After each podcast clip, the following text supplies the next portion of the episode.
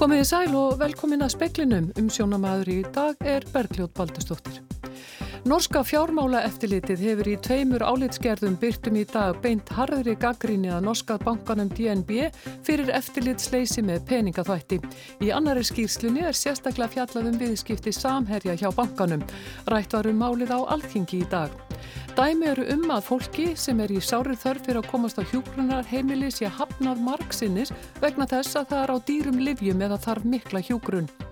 Hátti 20.000 manns bættust fyrir helgi í forgangshóp þeirra sem eru með undirleikjandi sjúkdóma og teljast veri í aukinni hætt á að veikjast alvarlega af COVID-19.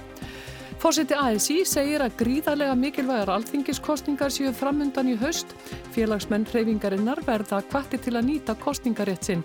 Fjallað verður um áherslur alþýðisambandsins í komandi kostningabaráttu síðar í speklunum og þá verður einnig rætt við heimsbyggingum hagsmunahópa í tilefnaf umræðinum að þeir stjórni landinu. Hann segir að það hendi þeim sem að gaggrinin beinist að að gröita öllum hagsmunahópum saman. Fylgi vinstri grætna ekstum rúmlega 2% stig millir mánada samkvæmt nýjum þjóðarpúlsi Gallup og fylgi miðflokksins mingar um rúmlega 1% stig. Ríflega 14% segjast myndu kjósa vinstri græn, færu kostningar til alltingis fram í dag og rúmlega 8% segjast myndu kjósa miðflokkin. Fylgi annara flokka helst nokkuð stöðut millir mánada, nær 24% segjast myndu kjósa sjálfstæðisflokkin, 12% samfylginguna og pírata, leiðilega 10% framsóknarflokkin flokkin, tæplega 10% viðreist, 5% sósélistaflokk Íslands og tæplega 5% flokk fólksins. Norski bankin DNB greiðir ummirðalöst jafnverði 6 miljardar íslenskar króna í segt fyrir að hafa ekki synd eftirliti með vafasöfum peningafæslum. Í tveimur svörtum skýrslum byrtum í dag erðu ávirðingar á hendur stjórnendum í bankanum raktar. Önnur skýrslan fjallar sérstaklega um viðskipti félaga í eigu samherja hjá bankanum. Bankastjórin hefur verið kallaðurinn á teppir hjá ráðherra. Þetta er auðvitað stóra fréttin í norsku viðskiptalífi á þessu vori og um leið nýðustada af margbóðaðri sekt og marg endurteknum skömmum um den norske bank eða DNB. Innan banka var vitað fyrirfram að sektin yrði há, sekt fyrir slök viðbröð við sí endurteknum aðtógasendum um eftirlit með peningasendingum. Það var búið að taka upphæð sektar frá í bókaldun í bankanum þegar í fyrra. Þetta eru jafnverði 6 miljardar íslenskara króna og einn hæsta sekt sem hér hefur verið veitt en um leið sleppur bankin við sakamálaransókn. Efnahagsbrotadeild lauröklunar ákveða að vísa málinu aftur til fjármáraeftilitsins og þar er sektin ákveðin. Misbrest á eftirliti með peningaþætti má reykja aftur fyrir fjármálakreppu 2008 og allar götur síðan. Í sérstaklega skýslu eru viðskipti samherja hjá DNB Rakin og þar getur að lesa fjölda dæma um hvernig eftirlit með peningasendingum hefur brúðist. Niðurstaða norska fjármálaeftilitsins er að viðskipti með samherja hefði átt að fallundi lagagrein um mikla áhættu en það var ekki gert. Núna er búið að bóða Kerstin Bróten, bankastjórat í EMB, á samt stjórnarfannmanni inn á teppið hjá Ísilin Nýbö, ráð þeirra atvinnumála. Og ríkið ætlar að fylgjast betur með starfseminni í framtíðinni.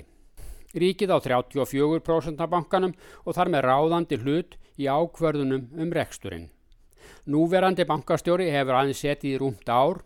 Fyrri bankastjóri virðist hins vegar ekki hafa brugðist við ábendingum um að peningar flættu í gegnum bankan án svo nokkur vissi hvaðan þeir kæmu eða hvert er færu.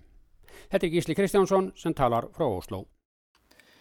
Fórsætistráður og formaður samfélkingarinn að rætu peningatvætti og möguleika íslenskara eftirlitstofnana til að ráðast í umfangsmikla rannsóknir í óundurbúnu fyrirspurnum á alltingi í dag.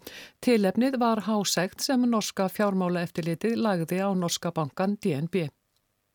Lógi Einarsson, formaður samfélkingarna, spurði hvernig íslensk stjórnvöld hefðu tryggt að eftirlitstofnanir hefðu styrk og getu til að takast á við yfirgripsmiklar rannsóknir hefur embætti héraðssaksóknara sem hefur Samherjamálið til rannsóknar, nægilegar fjárheimildir og bolmagn? Er fjármálaeftirlitið hér á landi nægilega vel fjármagnað til að standa í sambærilegum athugunum og það norska? Katrín Jakobsdóttir forsættisráð þeirra svaraði því til að fjármála eftirlitið og Sæðlabankin hefðu verið saminuð úr því orðið öflugri stopnun þegar kæmiða fjármála eftirliti sem og öðru eftirliti bankans. Það likur fyrir alveg skýrt að hér að saksónar eru að triða þær fjárheimildir sem þarf til þess að ljúka rannsók þessa máls og málið er enn til meðferðar hjá uh, hér að saksóknara Uh, og enn til skoðunar og rannsóknar og ég hef fulla trú á því að það embætti muni sinna sínu verkefni af heilindum og, og, og eins vel og hægt er. Sæði Katrín Jakobsdóttir, Anna Kristín Jónsdóttir tók saman. Dæmi eru um að hjúgrunarheimili neyti fólki ítrekkaðum pláss vegna þess að það er á dýrum livjum og þarf mikla hjúgrun. Formaður færni og helsumatsnemdar höfuborgarsvæðisins segir að með þessu uppfylli hjúgrunarheimilin ekki samningsinn við sjúkaraterkingar. Á hverjum tíma eru 200-300 manns með gilt færni og heilsumat fyrir varanlega dvöl á hjókunaheimilum. Þegar pláss losnar að hjókunaheimili tilnefnir færni og heilsumats nefnt tvo einstaklinga og heimilið velur á milli þeirra að sögn Pálma Vaff Jónssonar, öldunarleiknis og formans færni og heilsumats nefndar höfuborgarsvæðisins. Og svo hefur, það, hefur við tekið eftir því núna á undanförnum mánuðum og jáfnvel einum, tveimur árum að það virðist vera að ákveðnir einstaklingar séu sniðgengnir þegar kemur að því að veita þeim varalega dvöl. Það byrtist þá í því að sí endur tekið þeir gengið fram hjá þeim þegar þeir eru tilnefndir sem einn aðeila tveimur uh, þegar rými opnast. Og uh, þetta er ekki bundið við eina stofnun, þetta er samt ekki alla stofnunir sem uh, gera þetta. Og við höfum áhyggjur af þessu skjólstæðingana vegna. Og við höfum séð það að það virðist vera að þetta eigi við þá sem eru heldur yngri eh, í fyrsta lægi, öðru lægi þá sem að virðast hafa mjög alvarlega sjútdóma eða vera á floknum livjum. Náttúrulega er þetta brot á samningum við hjókunaheimilinn, eh, ofinbæra aðila við heimilinn að, að mínu viti því að þar segir eitthvað á þá leið að jafnaði skulle þeir ganga fyrir sem beði hafa lengst. Og þetta var Pálmi Vaff Jónsson, Anna Lilja Þóristóttir talaði við hann og nánarverður fjallaði um málið í kvöldfyrirtum sjómas. Hátt í 20.000 manns bættust fyrir helgi í forgangshóp þeirra sem eru með undirleikjandi sjúkdóma og teljast veri í aukinni hættu á að veikjast alvarlega af COVID-19. Til að ná betur utanum hópin var ákveðið að bóða fólk ekki einungis á grundvelli sjúkdómsgreininga heldur einni livjaútskrifta. Vegna þessa eru dæmi um að fólk sem ekki er með undirleikjandi sjúkdóma en hefur nýlega fengið ákveðin liv, svo sem liv sem gefin eru við síkusíki, hafi verið bóðað í bólusetningu. Þórólfur Guðnarsson sóttvarnalækni segir að bóðunarkerfið sé ekki fullkomið en brínir fyrir öllum sem fá bóð að mæta. Já, ef fólk er bóðað í bólsendingu þá er það bara að mæta og, og hérna, við þurfum að ná náttúrulega líka þessu ónæmi í samfélaginu. Það er mjög erfitt að búa til svona forgangslista og þeir verða aldrei 100% og það verður alltaf eitthvað sem, að, sem að er á gráusvæði og passar ekki en það er bara mjög mikilvægt að við náum að, að, bólusetja áfram bara sem flesta. Fólk er svona aðeins að metast, akkur það fá ekki búið en einhver annar en við erum bara að reyna að gera þess viljum sem við getum og þetta var Þórólfur Guðnason. COVID-19 smitt á Indlandi nálgast 20 miljónir. Stjórnvöldi eru gaggrínd fyrir að bregðast ekki nógu vel við ástandinu. Tilkynnt varum hátt í 400.000 ný smitt og tæplega 3.700 döðsföll í gær. Smittum hefur fjölgað um nær 8 miljónir síðan í marslokk. Ástandið á sjúkrahúsum landsins er afar slemt, tótt aðstóð sé farin að berast frá erlendum ríkum. Brettar ætla til að mynda að senda þangað 1000 öndunarvelar til að bæta úr brínum skorti. Súrefnisbyrðir á sjúkrahúsum og í sjúkrabílum eru einniga skortnum skamti. Brugðið hefur verið á það ráð að fá súrefni í stálverksmiðum sem sendir með hjálpbrötalestum til sjúkrahúsana. Trýstingur ekst stöðut á narenda móti fórsætti sér á þær og stjórnans að herða aðgerðir til að draga úr smittum meðal annars með því að banna leiki í úrvalstildin í krikket. Það hefur enn ekki verið gert þar sem stjórnendur deildarinnar segast tapa háum fjárhæðum verði það gert. Einum leik var þó aflýst í dag þegar tveiri leikmenn reyndust smitaðir þrátt fyrir sótvarnaráðstafanir. Narenda Móti og Úrsula von der Leyen fórseti framkvæmda stjórnar Európusambandsins rættust við í síma í dag um ástandið. Í yfirlýsingu frá fórsetis ráþærarskrifstofinni segir að Móti hafi þakkað hver skjótt Evrópuríki brúðust við annari bylgu COVID-19 á Índlandi. Ásker Tómasson sæði frá.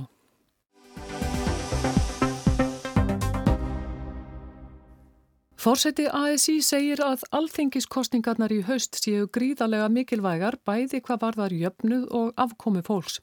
Í dag voru kynntar áherslur verkalýsreifingarinnar vegna kostningarna. Þá verða félagsmenn innan alþjóðsambandsins kvartir til að nýta kostningaréttsinn. ASI kynnt í dag málefni sem sambandið vill að áhersla verður lögð á í kostningabarátunni fyrir alþengiskostningarnar í haust. ASI kynnti líka áherslu sínar fyrir kostningarnar 2017. Þá var yfirskriftin samfélagsáttmálu um félagslegan stöðuleika. Nú er aukinn þungi láður í að koma bartumálum með verkefliðsreyfingarinnar á framfæri og ráðin hefur verið sérstakur verkefnastjóri til að kynna málefni reyfingarinnar. Já, uh, það er til þess að við getum veitt uh, stjórnvöldum mikið aðhald. Þetta eru gríðarlega mikilvæga kostninga núna upp á sko jöfnuð og afkomi fólks. Þannig að við uh, krefjum stjórnmálflokkana og stjórnmálfólki svara um það hvernig það ætlar að vinna það hagsmunum almennings og síðan rennur okkur líka blóðið til skildunar að upplýsa okkar félagsmenn um, um hérna, stefnu og ströyma í stjórnmálum þannig að bæði að hvetja fólk til þess að kjósa og eins líka til þess að bara kjósa með sínum hagsmunum. Svona aðeins meirum það svona hvernig þið ætlið að bera ykkur að eh, þegar það kemur að því að kynna ykkur mál. Já, við ætlum að bjóða þetta samtals, opinn samtals við stjórnmálflokkana. Uh, við ætlum að kynna þetta mjög vel fyrir þeim, okkar áherslur. Við ætlum að finna leiðir fyrir okkar félagsmenn til þess að koma aðtjóðasendum og, og spurningum á framfæri við stjórnmálamenn beint. Og síðan ætlum við að vera í samtali og samræði við önnur almannahagsmjörnsamtök líka. Uh, til þess að vera bara svona þáttakautur og setja það á dagskráina samfélagsleira umræðu uh, hverjir er hagsmunir uh, launafólks í þessu landi og almennings. Segir Drífa Snædal, fórsviti ASI, uppálega reyndar fyrir nokkuð mörgum árum var alþýðu sammati hlut af alþýðufloknum. Sliti var á þau tengsle 1940 en saknar verkefliðsreyfingi þess að hafa ekki málsvar á alþingi. Við eigum ímsa málsvara á alþyggi en stundu þarf svona að fjölga þeim og veita þeim aðhald og ég er náttúrulega ætlast til þess að allir inn á alþyggi séu málsvara vinnandi fólks. Eh, ekki endilega í beinni tengingu við alþýðusabatið en að, að fólk hérna, tali og, og, og hugsi um hagsmunni heldarinnar. Þið talið um að kostningarna framöndan séu ég að rísavaksið verkefni eða þessu mjög mikilvægar. Já hvers vegna, er það bara vegna COVID eða er mikið sem að blasir við eh, framöndan? Eh, bæði. Eh, það er þannig alltaf þegar það eru kreppur að þá er mjög mikil hætta á því að misskipting aukist. Og það gerist í rauninni sjálfkrafa ef það er ekki unnið gegn því. Að því að sumir koma illa út og aðri betur. Eh, þannig að það þarf að vera í mótvæðis aðgjörum og síðan er það líka alltaf hætta þegar kreppir að að þá verði farið í eitthvað svona niðurskurð, ríkisniðurskurð. Eh, þetta voru viðbröðum í margra landa í kreppinu fyrir tíu árum síðan uh, og núna eru allar alltjóðastofnir að vara ymmit við þessu, ekki endur taka þessi mistök af því að það verður mjög dýrkjeft samfélagslega til, til framtíðar. Þannig að við munum róa því öllum árum að það verður ekki niðurskurður frekar að styrkja okkar góðu kerfi sem eru til staðar og eiga sinna sín hlutverki uh, og inn í þetta fléttast náttúrulega líka uh, að einhver ætlar að nota tækifæru og fara að selja ríkisegur eða eitthvað slíkt þess að fjármagna hluti til skamstíma. Uh, við erum í sæmilegri stöðu með önnu ríki til að takast á við þetta. Þannig að sko þegar það kreppir að að þá verða þessar spurningar miklu miklu mikilværi. Fulltrúar ASI eiga sæti í þjóðhássaráði sem fundareglulega um áherslur og leiður í efnaðasmálum. Drífa segir að vissulega hafi verkefliðsefingin aðganga stjórnvöldum meðal annars í gegnum þjóðhássaráð. En það sem við erum að gera núna er að í aðdraðanda þessar miklu samfélagslegu umræðu, aðdraðanda kostninga, eh, að þá setjum við það á ottin eh, hverju hagsmunir almennings og vinnandi fólks eh, og við ætlum að gera okkur gilda til þar. Þið talaðum að atvinnumálun séu eitt mikilvægast að kostningamálið, já hvað eigið þið við þá? Við eigum að sjálfsögðu við það að vinna gegn atvinnuleysinu. Uh, fyrst og fremst að skapa nýstörf. Uh, síðan uh, hefur þetta ástand svona uh, blottað veikleika í okkar kerfi. Það er að segja að þeir sem hafa verið í lausbeislu, ráðningasambandum, verkefnaráðnir og svo framvegs, uh, að þeir eru sjálfsögðu uh, hérna hafa tekið fyrsta skellin og stærsta skellin þannig að þetta sýnir líka fram á ákveðna veikleika á okkar vinnumarkaði. Um, Þannig að það náttúrulega bæði heyrir til okkar friðar að, að hérna faðma þessa geira eh, en líka þurfum við að líta þannig á það eh, til framtíðar að eh, það er aukning í svona, um, svona vinnum og þá þurfa kerfi líka að vera tilbúið til að grýpa þau. Uh, mörg okkar kerfi, aðtölustrygga kerfi og fleiri uh, vinna út frá þeirri gömlu hugmyndafræði að fólk sé mjög lengi í sama starfi, sé ekki verkefni ráði endaðilega og svo framvegs. Uh, þannig að mörg þessari fyrstu viðbröða sem hefur verið sínt núna í kreppunni að þau í rauninni gefa tónin um það hvað þarf að gerast í framtíðara því að við erum í einhverju leitum um breyta vinnumarkað og við sjáum fram á það að hann muni breytast enn frekar. Í bæklingi sem ber yfirskriftina Það er nótt til sem var reyndar kjörorðið á fyrsta mæ eru tíunduð þau mál sem að reyfingin villilegja á slá og koma framfæri til frambíðanda flokkana. Bentir á að félagsmenn í alþýðisambandinu nálgist að vera 135.000 talsins. Sérstaklega verður hvað til þess að þeir nýti kostningar rétt sinn. Mikilvægt sé að afkoma fólks í gegnum COVID-greppuna verði tryggð. Örug afkoma kom í veg fyrir fjárasvanda til frambúðar. Áæsla verið lögð á húsnæðismál og húsnæðisöryggi sé grundvallar réttindi. Þá verði lögð áherslu á mentamál í samengi við breytingar á vinnumarkaði, svo eitthvað sem nefnt. Alþýði sambandi vill að grunnþjónusta sem lítur að mentun, velferð og heilbriði verði gjaldfráls. En hvað villi verkefliðsefingin ganga langt í að heilbriði þjónusta verði gjaldfráls? Við viljum halda áfram þessari breyt sem hefur verið markun og þegar að, að ebla heilsu gæstluna frekar og draga úr kostnaði fólks við þessa fyrstu uh, aðkomu. Og síðan er það ekkert launungamála við höfum hérna verið mjög uggandi yfir þeirri tilningu sérgreinanleikna til dæmis að, að hérna halda áfram að uh, semja við ríkið um, um greiðslur sem eru óhóflegar í mörgu tilvikum þannig að við held ég að deilum þeirri sín með mjög mörgum öðrum að það er ekki endilega jafn dreift uh, kostnaðunum inn í heil, heilsugjastluna Síðan erum við líka endur om að kröfu félag okkar um alland þar sem hefur dreyið úr aðgengi að heilbyrjastjónustu á landsbyðinni eh, að eh, þar er fólki þeirri stöðu að þurfa kannski að taka sér tvekja daga frí til að fara til höfuborgarinn til að fá heilbyrjus hérna, eh, og við sjáum bara ennþá vaksandi tilnegu til þess að fólk er að neyta sér um heilbyrjastjónustu af því að það kostar um mikið. Hvort sem það er í frí eða, eða bara beinhörnum peningum. Og þá er aðalega verið að skoða sko tallakna þjónustu, gehelbriðist þjónustu og, og svona sérhæfða þjónustu. E, þá er það að koma ljós hver árangurinn verður af þessu starfveikar, e, hugsanlega e, krækið í ykkur lofórð hjá okkur um flokkum en eftir bjarsina á það að þó að þetta komist inn á stefnum flokkana, það er framöndan e, vantarlega samstæpir stjórn að eh, kostningarlofurðin fari fyrir lítið?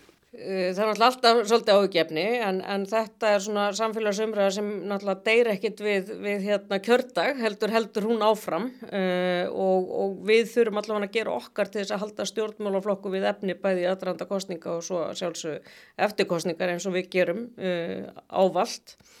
Uh, þannig að hérna, en, en með þessu erum við svona vonast til þess að það skýrist mjög hverjir ætla að leggjast áratna með vinnandi fólki með hagsmunni almennings í forgrunni. Þannig að eins og ég segja okkur rennur blóðið til skildunar að taka þátt í þessu samfélagsumræðu og, og síðan er það náttúrulega bara okkar skilgreinda hlutverk að halda stjórnmálum við efnið hvort það eru kostningar eða ekki. Og þetta var Drífa Snædal, Arnar Pál Haugsson tók saman.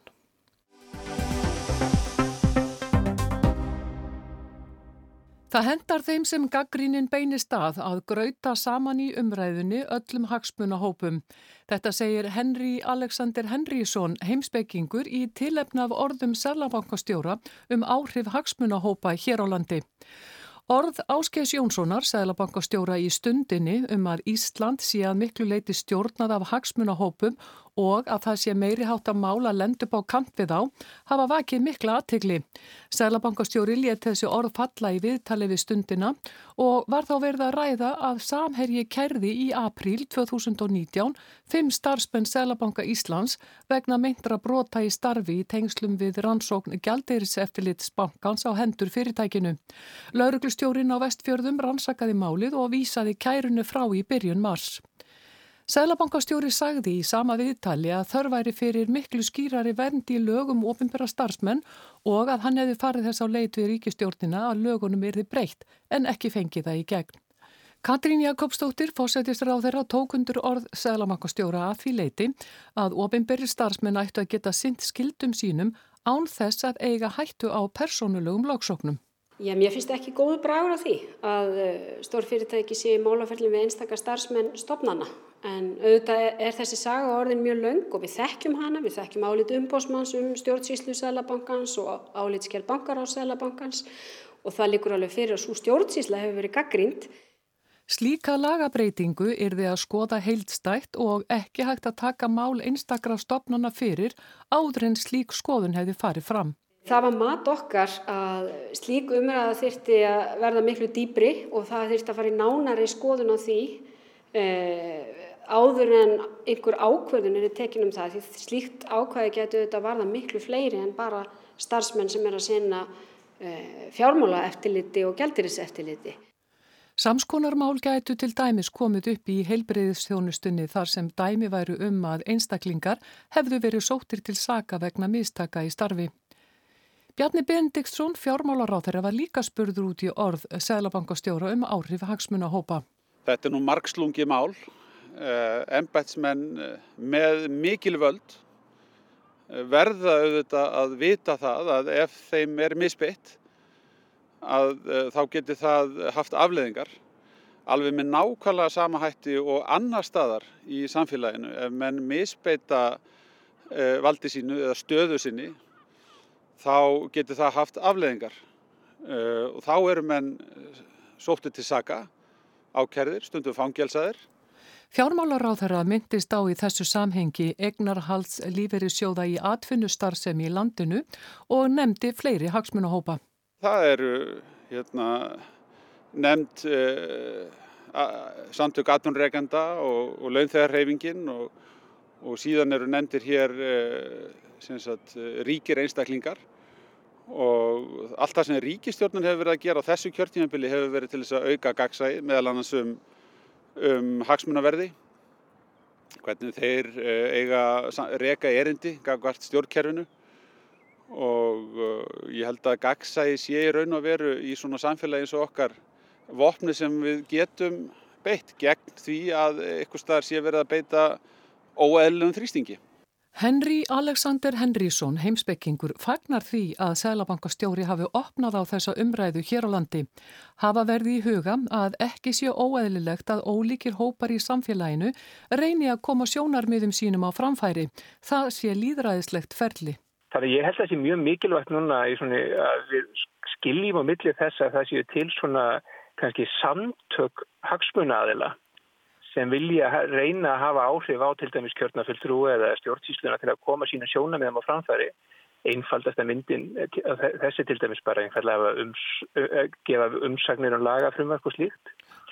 Og svo höfum við líka svona til dæmis hérna, almenningssamtök eins og ég vil kannski kalla það sem eru, sem eru samtök sem koma á framfæri sjónamiðin til dæmis neitenda eða launþega eitthvað því um líkt sem þurfa líka að koma mikilvægum sjónamöðum á framfæri við kjörnbæði kjörna fulltrú og stjórnsýsluna og ennbæðismenn.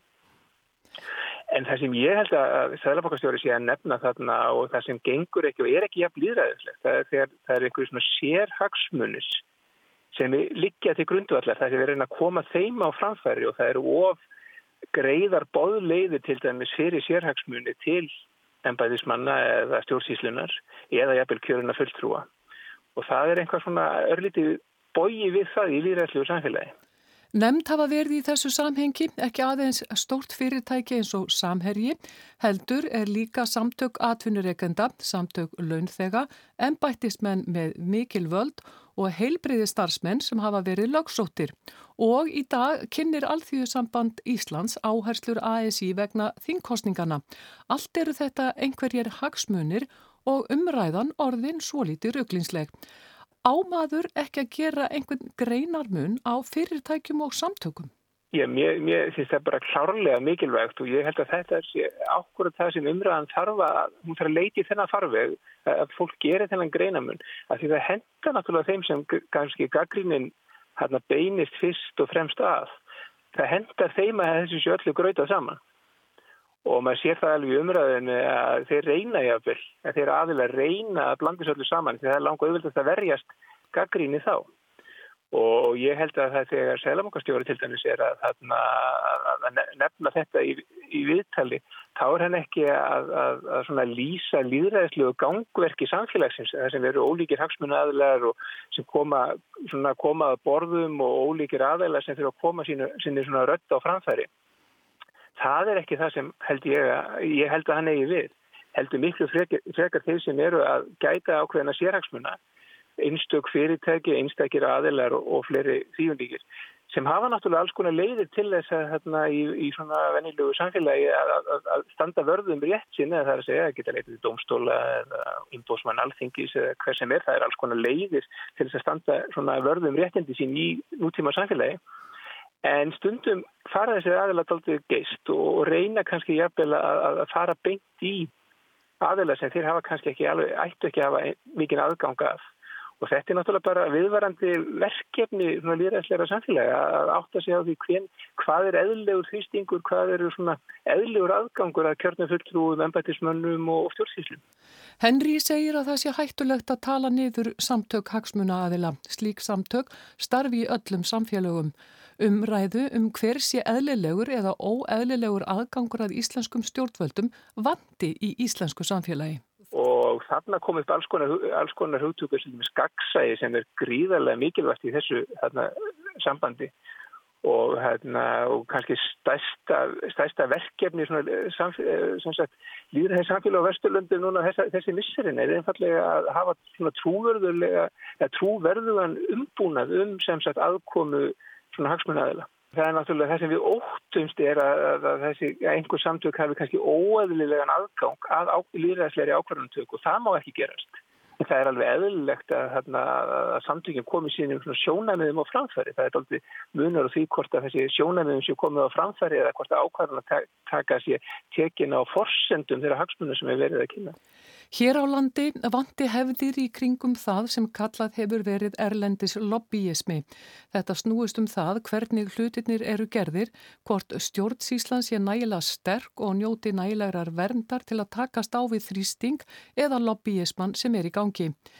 En telur Henry að það sé réttlætanlegt að fyrirtæki eins og samherji kæri starfsmenn stopnunar persónulega? Ég, ég heldur því sem er samála um það að það er mikilvægt að bara lögæðilar í samfélaginu hafi leiði til að leita rétta sín skakvartinu ofinbera en það er ekkit ástæðalösu sem þessu umræði færið fram í samtímanum að okkur finnst eiliti skrítið að þetta þurfa að gerast kannski á þeim fórsendum að það sé verið að, að, að, að sagt, verið að gang eða sagt, verið að gaggrína einstakar starfsmenn, ég ætla að fara í mál við einstakar starfsmenn ofinbera aðila það held ég að sé svona daldi ankanalegt. Þannig að það er kannski það sem umræðan er, er daldi núna að, að, að það er enginn sem það er enginn að tala gegn því held ég að, að, lögaðar sem ég segi hafi getið staði á rétti sínum og leita leiða til þess að fá eitthvað svona ákvarðanir og annað leiðri en þetta er ákvæmlega enginlegt að það er gert á þessum fórsendum.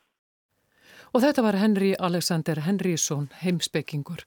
Veðurhorfur norðlega átt, 3-10 metrar á sekundu en hægari breytilega átt á morgun, skíjað og dálítil jél norðaustan til og við suðaustuströndina í dag, annars létt skíjað, dregur úr jæljagangi og léttir heldur til norðaustan til á morgun, hitti frá frostmarki upp í nýju steg, mildast á suðvesturlandi, nætur frost víða um land.